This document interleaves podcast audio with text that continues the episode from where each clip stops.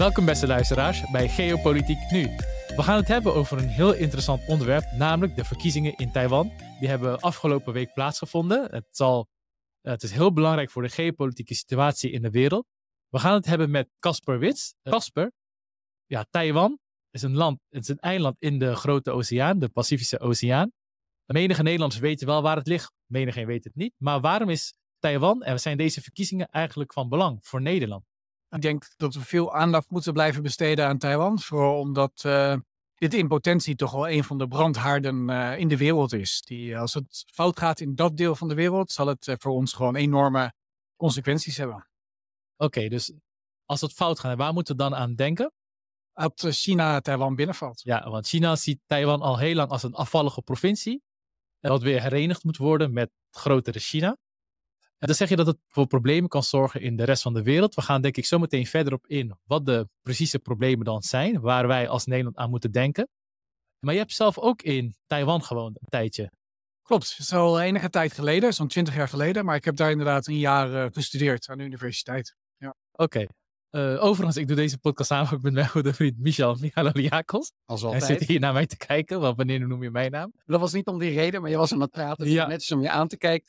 Maar inderdaad, ik was ook wel heel erg benieuwd. Taiwan doet er natuurlijk heel erg toe. Het is veel met nieuws geweest. Het kan een potentiële brandhaard zijn voor de wereld.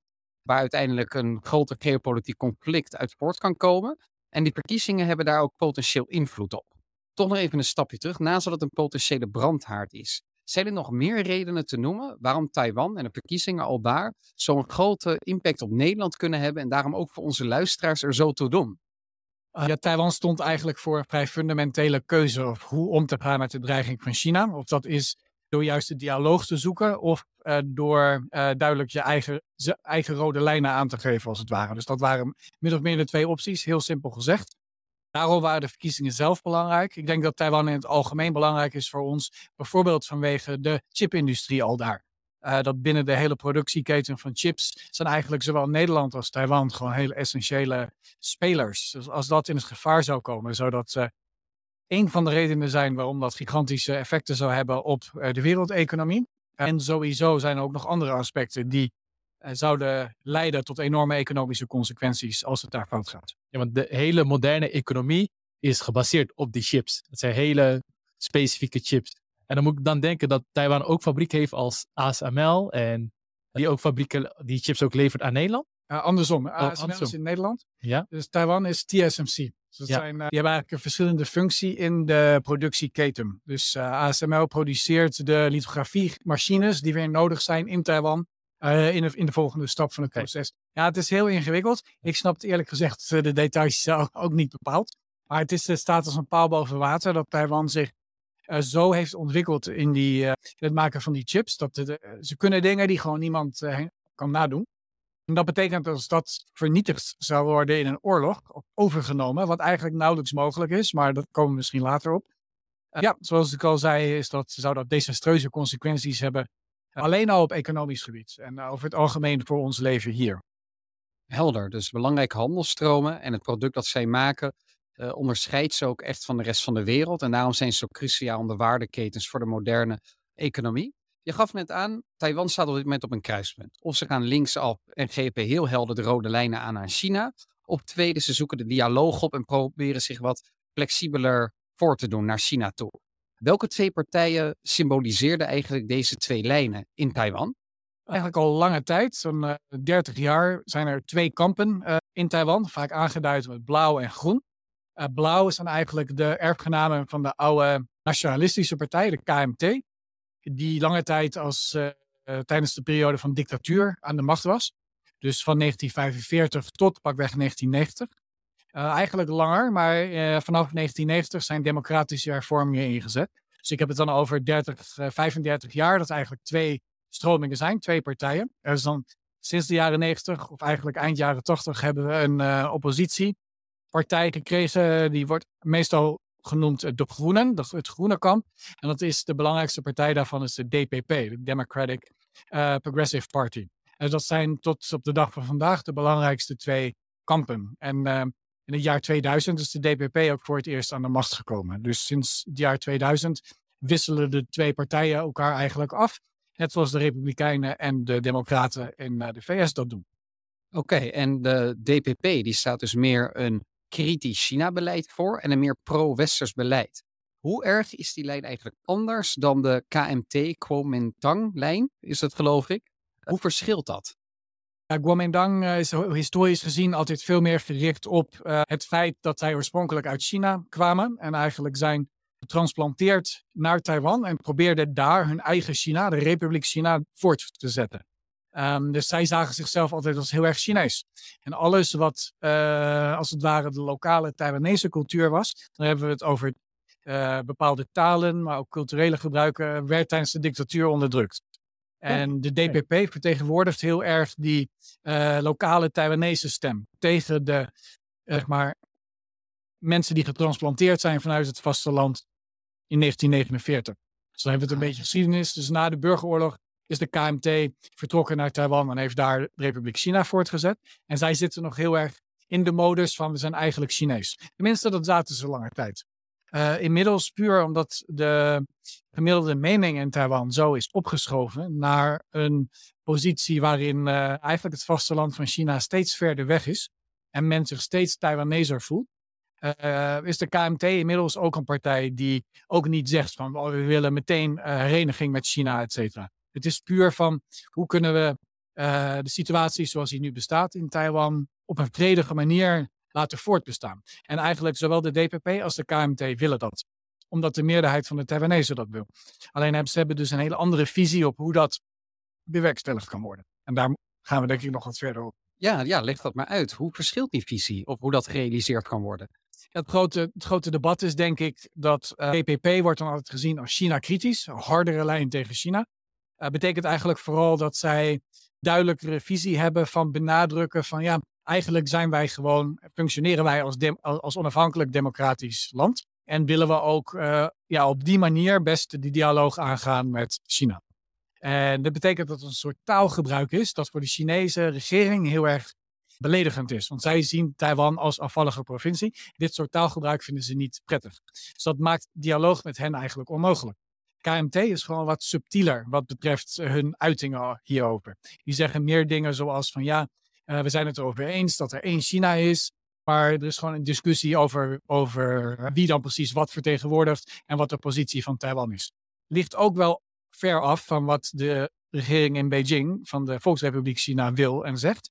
Maar het is wel degelijk een manier van praten die veel softer is op China-gebied. En dit heeft ook uh, weer effect op bijvoorbeeld economisch beleid. In de zin dat KMT, de blauwen, willen heel erg uh, ja, toch uh, economische samenwerking met China. En vinden dat dat juist vreedzame status quo bevordert. Terwijl de DPP ziet daar weer gevaar in. Van als we te economisch afhankelijk worden van China, krijgt China hier juist meer macht. En, en, wordt het risico weer dat ze hier de boel overnemen. Allereerst op economisch gebied en daarna politiek gebied.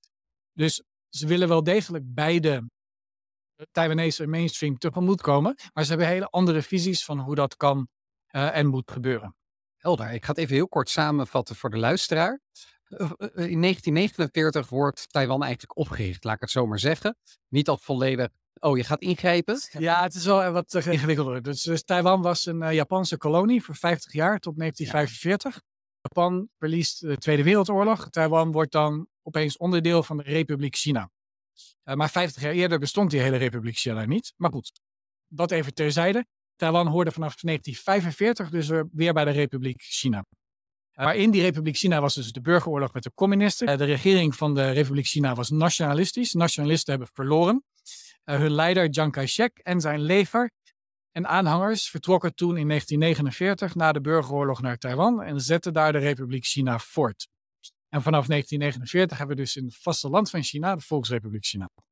Uh, dus Taiwan is op geen enkel moment opgericht. Eigenlijk in de zin van. zij zien het als een voort, uh, voortzetting, een van... voortzetting van wat er al was. En zo, is, in ieder geval zo zie ik het ook, moet ik heel even okay. nuanceren. Ja. Als ik als te, on, te veel leek word gezien, hoewel ik dat natuurlijk ben. Maar inderdaad, de, de, Republiek China wordt dan voortgezet in Taiwan. Dat is het idee daarachter. Heeft nog tot grote discussies binnen de VN geleid. Maar dat wordt dus gedaan door de oud-nationalistische leider uh, Chiang Kai-shek, die de KMT daar opricht. En de kleur daarvan zijn de blauwe. Het is 30, 40 jaar lang een dictatuur geweest. En vanaf uh, de jaren 90 wordt het steeds meer een democratie. En de groenen, die vanaf de jaren 80 dan een opkomst zijn en als belangrijkste representant de DPP, de Democratic Progressive Party, hebben, opteren eigenlijk voor een steeds uh, China-kritischere lijn. En de mainstream mening in China, uh, Taiwan, schrijft ook steeds meer op naar een China-kritische lijn. En dat zorgt ook in deze verkiezingen dat Taiwan op een kruispunt komt te staan. Uh, maar je gaf ook al aan dat de KMT ook al wat kritischer op China is geworden vanwege die mainstream media. Nu heeft Lai, uh, de leider van de DPP, je gaat zijn naam waarschijnlijk straks beter uitspreken, de verkiezingen gewonnen, de presidentsverkiezingen. Maar het parlement heeft de DPP, ofwel de Groenen, de meerderheid verloren. Welk signaal heeft de Taiwanese kiezer eigenlijk geprobeerd af te geven? Uh, klopt. het is een situatie die niet helemaal uniek is, maar wel al enige jaren niet is voortgekomen. Dus dat de partij die de presidentsverkiezingen wint, eh, niet de parlementsverkiezingen wint. Omdat die verkiezingen zijn vaak wel tegelijk. Dus dit is ongebruikelijk. Aan de andere kant weten we nog niet helemaal wat dit gaat betekenen. Want als we naar eerder kijken, bijvoorbeeld 20 jaar geleden was er een soort gelijke situatie. DPP-president, KMT-meerderheid in het parlement. toen was er enorme obstructie vanuit het, parlement richting de president en zijn regering. Dus heel slecht werkten die samen. Uh, de situatie is nu anders, omdat er dus een derde partij is gekomen. Daar komen we denk ik zo nog even op. En die dus ook acht zetels heeft behaald in het parlement. En die een mogelijk, mogelijke brugfunctie kunnen vervullen. Dus dat betekent dat we eigenlijk best wel in een nieuwe situatie zitten. Maar de basis, blij, in de basis blijft het zo dat de nieuwe president zal moeten zoeken naar meerderheden in het parlement. En dus waarschijnlijk naar, ook op zoek zal moeten naar compromissen. en ook niet te voortvarend kan zijn wat betreft de dingen die hij zou willen ondernemen richting een hardere lijn uh, voeren richting China, et cetera. Wat zijn de grote breuklijnen uh, tussen die partijen? Nou, vooral dus visie op China, denk ik. Dus zoals ik zei, binnen tussen blauw en groen heb je dus soft of niet soft op China-gebied. Ook kun je zeggen dat de blauwen en de, de nationalisten, de KMT, iets, sociaal, iets meer aan de sociaal-conservatievere en rechtsere kant zitten. Iets. En, en DPP aan de iets progressievere kant, wat linkser. Maar we moeten wel benadrukken, dat is echt anders dan de links-rechts tegenstelling elders. Want uiteindelijk is uh, je visie op de relatie met China blijft het grootste, de grootste, het grootste breekpunt, zeg maar. En was het ook de belangrijkste drijfveer voor de Taiwanese kiezer om voor de groene of de blauwe te stemmen? Ook dat is, denk ik, kun je over debatteren. Het is wel degelijk zo dat juist in deze verkiezingen ook wel heel erg veel economische aspecten meespeelden. Dus er is inflatie, woningnood, et cetera. Uh, eigenlijk uh, lijkt het wat dat betreft gewoon op andere landen. Ja, ook op ons land. Ook op ons land. Uh, maar desondanks denk ik wel dat de, ook als ik kijk naar wat de hele tijd naar voren kwam in debatten, is toch wel heel erg ook de relatie met China. En ook de KMT probeerde heel erg te benadrukken dat onze lijn, dus de wat softere China-lijn, is het beste en zal uh, een toekomst van vrede garanderen. Terwijl wat de DPP doet, is uh, juist de hele tijd de confrontatie opzoeken. Dus het is een keuze tussen vrede en oorlog. Wat heel extreem om, om, het, om het zo te framen. Maar dat, dat probeerden ze wel heel erg. Dus het ging daar wel degelijk ook over in de verkiezingen uh, heel erg. Ja, wat mij opvalt als ik naar, oh, naar het buitenland kijk. In, ik volg de Amerikaanse verkiezingen ook op de voet is dat er best wel vaak de vergelijking wordt gemaakt met Taiwan en Oekraïne. Dus wat Oekraïne is voor Rusland, is Taiwan voor China. En uh, beide gebieden, dus de mensen die dan voor steun zijn aan Oekraïne, die geven aan, ja, beide landen zijn eigenlijk democratische fronten. En uh, democratieën of westerse democratieën, ik denk dat we misschien Taiwan daar ook kunnen plaatsen, misschien niet. Maar moeten we in ieder geval zorgen dat die fronten sterk staan. zien de Taiwanese of zien ze in China dat zelf ook zo? Kijken ze ook echt naar, of uh, zijn, hebben de gebeurtenissen in Oekraïne ook een rol gespeeld in hoe de Taiwanese denken over hun eigen buitenlands beleid? En daarop volgt misschien over hoe wij moeten nadenken in onze relatie naar Taiwan toe. Ah ja, heel goed punt. Uh, ik denk zeker de laatste jaren zien we ook het uh, Taiwanese ministerie van Buitenlandse Zaken, ook uh, de minister van Buitenlandse Zaken, Joseph Wu, heel erg dit soort taalgebruik gebruiken. Dus wij zijn, staan eigenlijk in de frontlinie van democratische staten. Wij zijn het eigenlijk de dam tegen het oprukkende autoritarisme in het internationale systeem. Inderdaad, dus met het idee van autoritaire staten zijn in opkomst, zien we eigenlijk gebeuren, dat is een manier ook om, om te framen wat er nu in Oekraïne gebeurt, democratie versus uh, autoritarisme. Uh, ja, ik zie wel degelijk dat de Taiwanese regering dat ook heel erg op die manier framed. En ik denk ook dat de bevolking dat ook wel zo inziet. Het heeft ook weer te maken met wat er in Hongkong is gebeurd. want in Hongkong hadden ze sinds 1997 de deal dat Hongkong officieel wel bij de Volksrepubliek China hoorde, maar ze hadden het recht om een eigen systeem te behouden. Dus het was één land, twee systemen. Ja. En de, de belofte vanuit Beijing naar Taiwan toe was ook van ja, jullie kunnen hetzelfde doen. Dus al die vrijheden kun je behouden. Alleen zijn wij dan uh, in naam gewoon dan de baas en hoor je gewoon bij de Volksrepubliek China. Maar het is heel duidelijk gebleken in Hongkong dat die beloften niks waard zijn. En dat uh, de democratie in Hongkong gewoon totaal de nek om is gedraaid. En de Taiwanese zien dat heel duidelijk. En ja, beseffen nu ook gewoon heel erg dat enige vorm van accommodatie met de Chinese regering zal betekenen het einde van hun democratische systeem, waar ze zo voor hebben gevochten en zoveel energie in hebben gestoken om dat op te bouwen. Um, dus het denken over Taiwan als een soort frontstaat in die uh, strijd tegen autoritaire staten is iets, denk ik, wat zij uh, zo zien. En ik denk dat dat uh, een narratief is dat ik ook wel onderschrijf. dus ik ben het daar wel mee eens. En ehm, wat voor relatie heeft het gehad? Ik neem aan vanaf 2022 ongeveer. de relatie tussen Taiwan en Amerika en dan daarna nog Taiwan en de Europese Unie. Zijn daar grote verschillen in te zien? Of, Ik denk het wel. Uh, niet alleen 2022. Ik denk dat er al wat uh, geleidelijker, geleidelijker proces was. De laatste 15 jaar dat gewoon Taiwan veel meer aandacht krijgt uh, dan eerder. Ja, ja met de Verenigde Staten, denk ik. Ja, maar ook hier zie ik het wel. Dus dat bijvoorbeeld de Taiwanese diplomatieke vertegenwoordiging hier in Den Haag gewoon ook veel meer in de, in de media komt. En dat ze gewoon ook meer aanspraak hebben, meer politici die echt hun verhaal willen horen, et cetera. Dat was tien jaar geleden echt wel anders. Toen was de prioriteit toch echt eh, ja, onze banden met China. En prioriteit is om China niet tegen de haren in te strijken. En ja, dat Taiwan, dat zagen we toch vooral als iets dat we, ja, waarop we reflecteerden alleen maar in relatie met China. In relatie tot en met China. terwijl nu ja, beginnen we heel langzaam Taiwan meer te zien als op zichzelf staande ja, ja. Uh, en, entiteit waar gewoon mensen wonen. En die mensen hebben gewoon een eigen wil en eigenlijk ook recht op een soort van zelfbeschikking.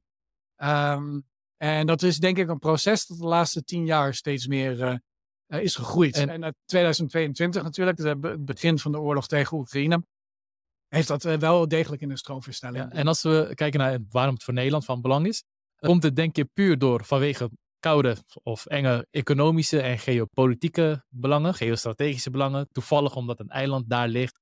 Of denk je dat het idee van normen en waarden ook steeds meer een rol begint te spelen? Of is dat een beetje, denk je, te naïef gedacht? Um, het idee nou dat wij democratieën moeten beschermen, vooral als ze ook ons om hulp vragen. Ja, ik denk eigenlijk vooral dat dit uh, sinds 2022, dus dat ik dat meer hoor, dat daarvoor was het al duidelijk dat een oorlog tegen Taiwan uh, gewoon desastreus zou zijn. Niet alleen de chipindustrie is echt maar, e-, echt maar één deel daarvan. En misschien nog wel belangrijker is gewoon de ligging van Taiwan. Hoe strategisch die ligging is en hoe belangrijk voor vaarroutes bijvoorbeeld dat hele gebied is. van de, van de wereldhandel gaat door de Taiwanse straat. Dat is wel heel veel, maar ik, de precieze cijfers uh, weet ja, ik niet. Maar... opgezocht bij de Wereldbank. Ah ja, ja, nou, Dat, maar dus inderdaad zoveel dat het dus uh, een fundamenteel verschil zou zijn als, als Taiwan niet alleen het land, als China niet alleen het land Taiwan in handen zou krijgen, maar dus ook in die vaarroutes eromheen opeens de baas kan spelen. Als je dan kijkt van ja, waar, waar uh, komen de goederen van, van Japan bijvoorbeeld eigenlijk vandaan? Uit welk deel van de wereld en welke vaarroutes volgen die? Ja, dan begin je te realiseren van oh, oké, als China opeens die vaarroutes in handen krijgt, ja, dat is een geopolitieke ontwikkeling die enorm is. En vanuit Japanse optiek bijvoorbeeld zou vrij desastreus zijn. Dus, dus dat aspect. Maar ik denk zeker dat nu eigenlijk de oorlog tegen Oekraïne heeft, zeker ons in West-Europa, het doen ontwaken uit een soort geopolitieke winterslaap.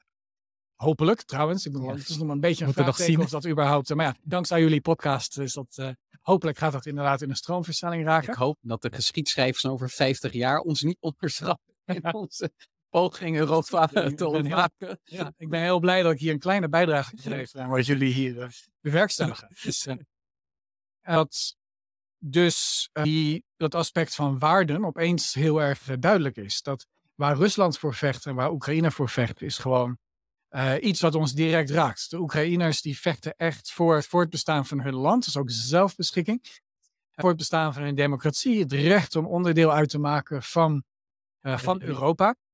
Uh, ja, dat raakt ons toch heel diep. Dus ik vind dat, en ik denk ook echt wel dat het, het waardenaspect en ja, dat dat gewoon voor ons in onze besluitvorming steeds meer een rol zal gaan spelen. En dat is van direct belang ook voor Taiwan. Dat hoe meer we op deze manier over Taiwan ook gaan denken, wat ook al gebeurt in plekken zoals Japan, Zuid-Korea, et cetera.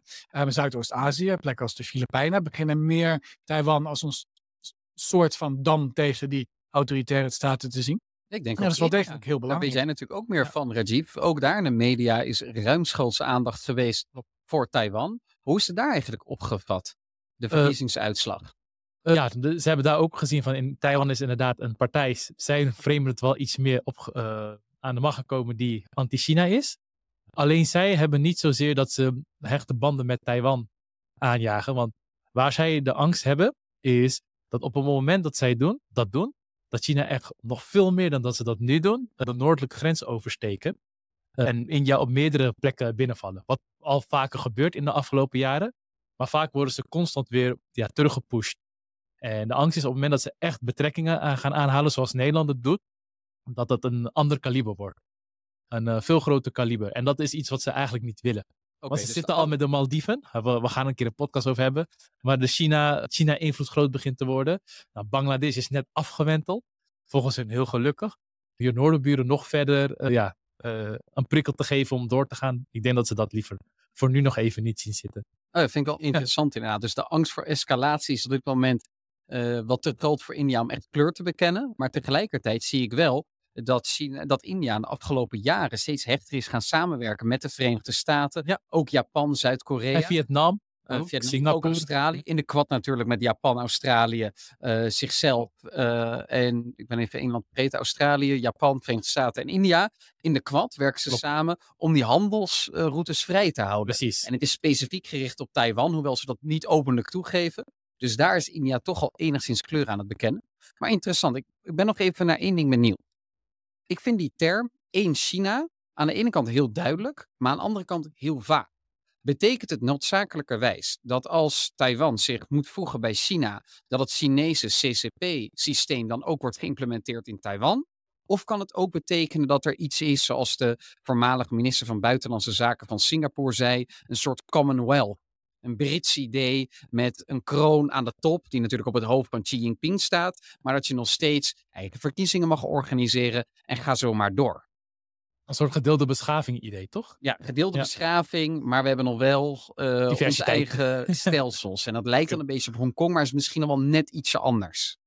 Ja, heel interessant punt. Ik denk uh, dat er juist een strijd aan de gang is over het discours op dit gebied. En dat al die dingen die één China zou kunnen betekenen, die jij opnoemt, dat zijn allemaal onderdeel van die strijd. Dus het kan, zou inderdaad kunnen betekenen van uh, inderdaad een soort commonwealth, uh, et cetera, iets uh, wat niet gerelateerd is aan een specifieke staat, de Volksrepubliek China bijvoorbeeld. maar wat één China en ook wat de status quo zoals die nu bestaat betekent, is eigenlijk altijd in flux. En dus in, er is echt een strijd van narratieven gaande. En prioriteit voor de Chinese regering is ook heel erg om dat narratief zo, zo meer mogelijk naar zich toe te trekken. Dus ook überhaupt wat status quo betekent. We, we, we zeggen dat wel altijd. Maar steeds meer probeert China te framen alsof status quo, dus de situatie zoals die nu bestaat, in zich uh, heeft dat status quo betekent, en dat iedereen het daar ook mee eens is, dat uh, er wel degelijk een geleidelijke beweging richting hereniging is. Dat is onderdeel van de status quo. Wordt nu op. Dat was, is, niet, is niet zo. Als ik even subjectief uh, mag zijn. Misschien jij zal objectieve vaststelling. Ik kan me namelijk voorstellen dat voor de ja, ja. Taiwan, uh, Taiwanese en ook de Westerlingen uh, op een bepaalde manier ook objectief kunnen kijken, net als de Chinezen dat kunnen. En ook wel moeten vaststellen dat sinds 1941 Taiwan en China zich niet noodzakelijkerwijs na elkaar hebben bewogen. Ik heb die indruk niet. En ik ben een leek natuurlijk, maar ik heb die indruk niet. Absoluut. Wij zijn, Taiwan is afgedreven, figuurlijk, van het vasteland van China. En ja, ziet op geen enkele manier hereniging in de nabije toekomst of eigenlijk überhaupt in de toekomst zitten. maar juist als reactie daarop, denk ik, probeert China echt te spreken op een manier van de internationale consensus is dat hereniging onherroepelijk is. En daar hebben we, dat hebben we met z'n allen afgesproken. Want dat is immers het één-China-principe. En er, en er is internationale consensus over het één-China-principe. Kijk maar naar de VN, waar vrijwel geen enkel land. Of, eh, of, Taiwan zit überhaupt niet in de VN. En vrijwel geen enkel land heeft diplomatieke betrekkingen met Taiwan, maar wel met ons. Dus dat is het één-China-principe en er is internationale consensus over. Is wat de Chinezen zeggen. En dit is niet waar, want er is totaal geen internationale consensus over wat één China-principe betekent. Precies, ja. En de meeste landen nemen dus ook geen positie in over de internationale positie van Taiwan. We erkennen alleen maar dat er, dat er dit meningsverschil is. Dat erkennen we wel. Ehm, maar door steeds uh, dingen te framen, ook binnen de VN, alsof er een internationale consensus is over dit onderwerp, dat er wel, wel degelijk tijdelijk nu die afvallige regering is in Taiwan, maar dat op een gegeven moment dit onherroepelijk terug uh, zal komen in de moederschoot van het moederland, zeg maar. Uh, zijn mensen dat ook gaan herhalen. Dus je hoort nu, nu wel degelijk ook mensen constant zeggen, ja, nee, volgens internationale verdragen. Ja, is het nou eenmaal zo dat wij erkend hebben dat Taiwan bij de Volksrepubliek China hoort, of in ieder geval in de toekomst daar weer bijgevoegd moet worden? Je ziet ook vaker de reactie dat wij, uh, ook in de Europese Unie en ook in Nederland, maar ook in Griekenland bijvoorbeeld, daar weet ik het dan toevallig omdat ik er natuurlijk zelf uh, veel over lees. Wij onderschrijven het één-China-principe. Dat wordt bijna bij ieder China-statement heel erg benadrukt ergens in een middenstukje. Wij benadrukken het China-statement, het één-China-principe, maar dat moet op vreedzame wijze. Dat is dan eigenlijk de maar die daarna komt te staan om toch nog een bepaalde rode lijn naar China toe te duiden. Uh, maar tegelijkertijd onderschrijven dus een bepaald principe dat totaal geen inhoud heeft. Want niemand kan mij heel duidelijk uitleggen wat het betekent. Het enige wat ik weet is, er zijn twee interpretaties. China, die volgens mij, dat volgens mij stelt, Taiwan hoort bij ons en wij moeten de, uh, de macht hebben over Taiwan en bepalen wat er gebeurt. En de Taiwanese die zeggen, ja, wij maken onderdeel uit van één culturele beschaving, hebben gedeelde geschiedenis, maar uh, in China-principe betekent niet dat wij de democratie en onze soevereiniteit omver moeten werpen. Het is eigenlijk nog wat ingewikkelder, helaas, voor de luisteraar. Er is dus oh. één China-principe. Dat is dus wat de Chinezen eigenlijk bezigen. Dus wat, waar we het nu eigenlijk over hebben. Dus uh, de zogenaamde afspraak dat Taiwan nou eenmaal bij de Volksrepubliek China hoort. Um, dat woord wordt, wordt niet gebruikt door de meeste regeringen. Dus wij hebben een één China-beleid. En dat zijn dus twee andere dingen. En wat één China-beleid betekent, is, dat is ook nog eens, verschilt ook nog eens per regering. Uh, maar het Nederlandse één China-beleid heeft wel degelijk inzicht dat we alleen maar diplomatieke banden hebben met de Volksrepubliek China. Maar uh, ook dat we geen positie innemen over Taiwans internationale status. En we zeggen eigenlijk letterlijk dat we de, de positie van de Volksrepubliek China, dat Taiwan bij hen hoort, respecteren. Wat iets heel anders is dan erkennen. Hè? Dus dat is ons één China-beleid. Eén China-principe betekent echt dat je, als je dat zegt, dan onderschrijf je de Chinese interpretatie van de oh, situatie. Nuancering, want ja. die interpreteerde wel zoals hetzelfde. Maar één China-beleid is dus iets anders dan één China-principe. Ja. Dus vrijwel alle landen op de wereld hebben inderdaad een één China-beleid. En dat houdt inderdaad in dat ze die, die, officieel alleen maar diplomatieke banden hebben met de Volksrepubliek China. Maar dat is iets heel anders dan één China-principe, wat de Chinese regering claimt de internationale oh, consensus is. Dus de internationale consensus is niet, ondanks wat China zegt, dat wij erkennen dat uh, de provincie Taiwan onderdeel is van de Volksrepubliek China en dat hereniging um, het status quo is. Maar China zegt wel dat dat de internationale Ik had dan nog een andere vraag. Uh, even een kleine geschiedenisvraag, kunnen we dan verder uh, ingaan. waarom hebben westerse landen Taiwan eigenlijk niet als land erkend? Want Lange tijd was China gewoon een uh, militair relatief zwak land. Uh, vooral onder Mao Zedong. Dat heeft nog tot 1973 doorgeduurd. Pas vanaf de jaren 80, 90 beginnen ze wat voor te stellen. Beginnen ze te groeien. Dus er waren decennia, de tijd, we hadden decennia de tijd om het als land te erkennen, allerlei verdragen aan te gaan, maar toch hebben wij dat niet gedaan. Of wilden de Taiwanese dat zelfs zo niet? Nou, de situatie is dat na de burgeroorlog, die eindigde in 1949, was het wel degelijk zo dat veel landen meteen uh, de Volksrepubliek China erkenden. Waaronder wij in 1951, als ik het goed heb. Uh, maar niet echt meteen uh, de ambassadeurs en zo daarheen stuurden. maar er is ook een, een, groep landen waar heel belangrijk de VS en Japan bij hoorden, die de Republiek China bleven erkennen. Dus totaal geen banden met de Volksrepubliek China. Want ze hadden nog een zetel in de VN-veiligheidsraad. In de, VN, uh, überhaupt zetel China in de VN, um, bleek gewoon in handen van de Republiek China. En dat, Taiwan heeft voor de luisteraar. Ja, precies, Taiwan. En dat heeft geduurd tot 1971. En in 1971, dat had te maken met de golf van nieuw onafhankelijke landen eh, uit het mondiale zuiden, die meer achter de Volksrepubliek China stonden, is dat geswitcht. Toen is de VN dus, uh, de VN-zetel China, is overgegaan van de Republiek China en Taiwan naar de Volksrepubliek. En zeggen ook door Nixon, door het bezoek van Nixon aan China. ja, dat, zijn, dat zijn twee ja. verschillende uh, tendensen, maar die op dezelfde moment inderdaad plaatsvonden. Dus op dat moment is Nixon toen inderdaad heeft de, de aardschok teweeggebracht om naar China te gaan. En dat heeft toen langzaam, niet meteen, geleid tot in 1979. Dat 1979 dat, dat Amerika, de VS, uh, officieel banden aanknoopte met de Volksrepubliek en de banden met de Republiek China toen verbrak. Okay. Maar eigenlijk verving voor onofficiële diplomatieke banden, zoals die nu ook nog steeds bestaan tussen Nederland en Taiwan en de VS en Taiwan. Oké. Ehm, dus, dus, op die manier is dat uh, geleidelijk zo gegaan. En de realiteit is nou eenmaal, en dat was zelfs al in de jaren 60, 70 dat men dat zag, is dat je kon de Volksrepubliek China gewoon niet blijven uitsluiten in het internationale systeem en in je diplomatieke betrekkingen. Daar is het gewoon te groot. vijfde van de wereld. ja, het is gewoon te groot, te economisch belangrijk. En als je diplomatieke banden wil hebben met Volksrepubliek China, kan je niet op, tegelijkertijd ook banden hebben met uh, de regering in Taiwan. Die moet, dat accepteert China gewoon niet. Dus als wij vandaag zouden besluiten van ah, we willen nu diplomatieke banden met Taiwan aanknopen, dan zou China uh, diplomatieke banden met ons meteen uh, doorsnijden. Oh, echt waar? Ja, absoluut. Je kan niet, eh, dat was totaal niet getolereerd. Ja. ja. bijvoorbeeld kijk maar naar Nauru, om een heel klein voorbeeldje te noemen. Uh, dat had heel hechte, relatief hechte politieke, diplomatieke banden met Taiwan. En die moesten ze doorknippen om banden met China op te bouwen. Dat was afgelopen week gebeurd en dat is exemplarisch voordat iets van 19 landen die geloof ik Taiwan erkend hadden. En iedere paar jaar uh, vervalt er eigenlijk eentje, omdat dat land dan toch nauwere banden opzoekt met China, omdat het economisch lucratiever is. Dus in die zin begrijpelijk. Maar eigenlijk de vraag ter vraag uh, voor deze podcast, we hebben het natuurlijk over de Taiwanese verkiezingen, is hoe heeft China gereageerd op de uitslag in Taiwan? Eigenlijk uh, moet dat nog wel een beetje blijken. Maar de eerste reacties zijn natuurlijk uh, ja, neerbuigend en boos.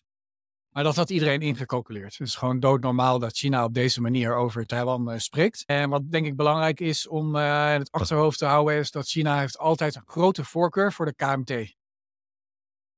En die wil eigenlijk alleen maar de dialoog aangaan als er dus een KMT-president is. Of een president van die partij. Wel grappig, terwijl ze daar vroeger tegen gestreden hebben. Ja, ik dat heel, heel vreemde situatie. Ja, dus hun tegenstander tijdens de burgeroorlog ja. hij is nu opeens eigenlijk de partij die soft is op China-gebied. Ja, dat is een heel aparte draai van de geschiedenis. Dat puur vanwege het feit dat de KMT zo terughoudend is met het spreken over Taiwanese zelfbeschikking en toch veel meer denkt in termen van China. Uh, zijn, zijn zij gewoon de, de gesprekspartner die China wil hebben. En uh, sinds 2016 is er dus een DPP-president. En ja, ook in de Chinese media wordt de DPP en de huidige president, dus Tsai Ing-wen, echt voorgesteld als de boeman eigenlijk. En uh, mensen die totaal onredelijk zijn, alleen maar de confrontatie opzoeken, gestimuleerd daarin door de VS, et cetera.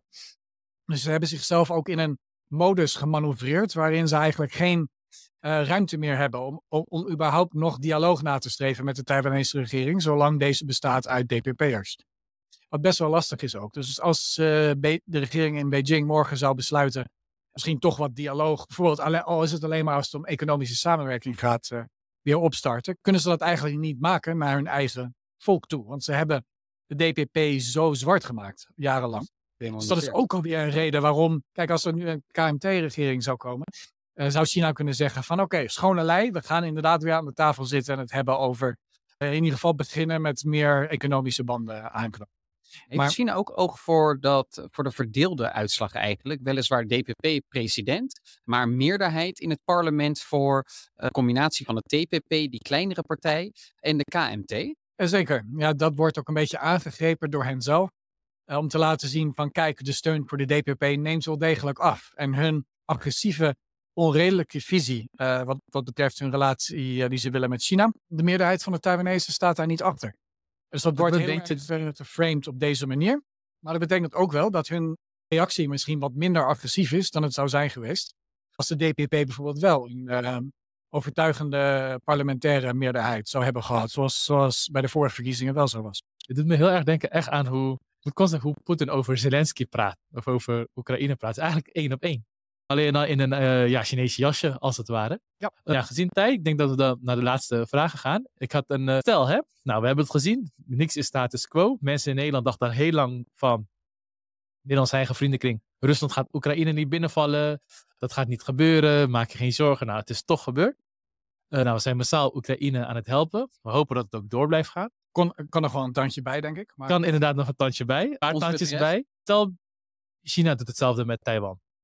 Hoe denk jij dan over, wat zou het Westen moeten doen, vooral om zijn eigen reputatie te beschermen? Om, uh, ja, zullen wij ook net zo massaal Taiwan moeten beschermen als hoe Amerika tot nu toe ons helpt om Oekraïne te beschermen? Want ja, velen kunnen hier zeggen, ja, dat is meer een Amerikaans probleem. Terwijl we zouden ook kunnen zeggen, ja, het is een democratie en we zouden hun net zo moeten helpen als zoals zij ons hier in Europa helpen. Hoe kijk jij daar eigenlijk uh, naar? Ben ik benieuwd. Allereerst denk ik dat we speculeren over toekomstige oorlog hoeft niet eens zozeer. Ook omdat er moeten bepaalde domino's echt de verkeerde kant opvallen voordat het echt gaat gebeuren. Eh, dus dat wordt wel heel speculatief. Maar ik denk ook in het hier en nu kunnen we al eigenlijk het gesprek hebben over in hoeverre zouden democratieën uh, in de wereld en zouden wij in Europa Taiwan moeten steunen. En ik denk dat daar nog wel heel erg een debat over te voeren valt. In de zin van in hoeverre moeten we verbaal laten merken dat de Taiwanese democratie ons dierbaar is. En ik heb al eerder gesproken over dat we steeds meer denken over Taiwan in termen van waarden, gedeelde waarden, democratische waarden. Ik denk wel dat onze regeringen nog een beetje in West-Europa in ieder geval achter de feiten aanlopen. En dat je ziet in landen zoals Tsjechië en Litouwen zijn ze veel verder daarmee. Daar durven ze echt wel uh, te zeggen van de Taiwanese democratie dient gesteund te worden. Allereerst met aanknopen van meer economische banden, maar ook laten merken binnen internationale organisaties dat Taiwan er mag zijn. West-Europa, net zoals het om Oekraïne, op uh, Oekraïne-gebied aankomt, is enorm twijfelend. Eigenlijk zegt dat meer Oost-Europese landen wat harder zijn die lijn? Of is dat te kort door de bocht? Uh, nou, dat, nee, wel, oh. dat klopt wel degelijk. Ik denk zowel op Oekraïne als op Taiwan-gebied. Nee. Ja, zij hebben natuurlijk veel meer echt een uh, diep geworteld gevoel van uh, hechting aan hun democratie. Ze weten hoe breekbaar het is en hoe belangrijk het is om dat te verdedigen tegen autoritaire staten. Zoals, zoals we al eerder hebben besproken, in West-Europa zijn we nog steeds een beetje in een geopolitieke winterslaap. Uh, waar we hopen ja, dat het allemaal wel goed komt. En we, we, hebben immers ook al 80 jaar geen oorlog meegemaakt. Dus het zal allemaal wel niet. Het zal allemaal wel een beetje loslopen. Maar dat heeft dus direct effect ook, op hoe we met Taiwan en Oekraïne omgaan. En op Taiwan-gebied ja, zie je gewoon heel veel taalgebruik. Zoals uh, president Macron in Frankrijk. Toen hij in China was vorig jaar, dat hij heel erg duidelijk wilde maken. Uh, dat ja, Taiwan is eigenlijk geen Europees probleem. Dat is oh. meer iets voor de Amerikanen. Dat soort taalgebruik klinkt, of dat, dat lijkt misschien diplomatiek. En ja, wij willen nou eenmaal China te vriend houden. Ja, dus, dus er, is een zekere tendens in onze ons buitenlandbeleid om die uh, weg te volgen. En je ziet dat ook heel erg, en dat is misschien ook wel goed om uh, af te ronden, onze reactie op de verkiezingsoverwinning van, de, van Lai Jingde, van DPP in Taiwan afgelopen weekend. Uh, je ziet dat heel interessant eigenlijk zowel de Franse regering, de Duitse regering als de EU. En dan daarachteraan hobbelend ook het Nederlandse ministerie van Buitenlandse Zaken. Eigenlijk op dezelfde manier reageert. Eigenlijk met een, met een hele zeggende verklaring waarin het, de Taiwanese een beetje uh, vermoedigend worden toegesproken dat ze het toch goed hebben gedaan. Zeg maar, dat hele democratische proces, proces is goed gegaan. Zowel als je dus naar alle andere reacties van die uit die hoofdsteden en uit Brussel kijkt, bijvoorbeeld uh, verkiezingen in de VS of in Turkije, et cetera, zie je dat heel duidelijk er altijd felicitaties zijn voor degene die gewonnen heeft. Dus wat gewoon heel erg belangrijk is, denk ik, want dit is dus hoe wij communiceren, niet naar Taiwan, niet met Taiwan, maar dit is duidelijk China. signaal geven richting China. Van ah, wij gaan Lai Jingde, de, de winnaar van die verkiezingen die wij hier bespreken, noemen we niet. Wij zien dat, zeker in Nederland, eh, als heel erg. Oh ja, wij zijn diplomatiek bezig. We willen de Chinezen niet tegen de haren. Dat is Voldemort, de naam die niet genoeg mag worden. Het is, uh, een beetje ook ja, diplomatiek. wat we natuurlijk jarenlang hebben gedaan met Vladimir Poetin. Van laten we vooral niet uh, Oekraïne te veel steunen. Ook na MH17 nog. Eigenlijk toch vooral zoveel mogelijk laten zien, ja, business as usual. onze prioriteit blijft toch economische banden. We moeten die dialoog blijven aangaan. En misschien is daar iets voor te zeggen, maar ik denk wel dat we een debat moeten gaan voeren in West-Europa, en zeker in Nederland. Of dat nou de juiste lijn is in het omgaan met autoritaire staten. Uh, om ons taalgebruik en gedrag en beleid aan te passen op wat zij willen. Want dat is wat we nu doen. Interpreteren de Chinezen dat ook gewoon als zwakte van de democratische landen? Ja, dat wilde ik inderdaad uh, naartoe. Dus dat is precies natuurlijk het debat wat we zouden moeten voeren. Van wat wij zien als diplomatiek en slim. En niemand op het Nederlandse ministerie van Buitenlandse Zaken die hier vraagtekens bij zet. Is dat wel zo slim? Hebben, moeten we misschien niet een andere les trekken uit hoe we met Poetin zijn omgegaan de laatste jaren? Bovendien, waar hebben we het nou helemaal over? Wat zou de Chinese reactie zijn als we zouden zeggen: gefeliciteerd Lai Jingde met het winnen van de verkiezingen in Taiwan? Wij zien uit naar hechtere samenwerking.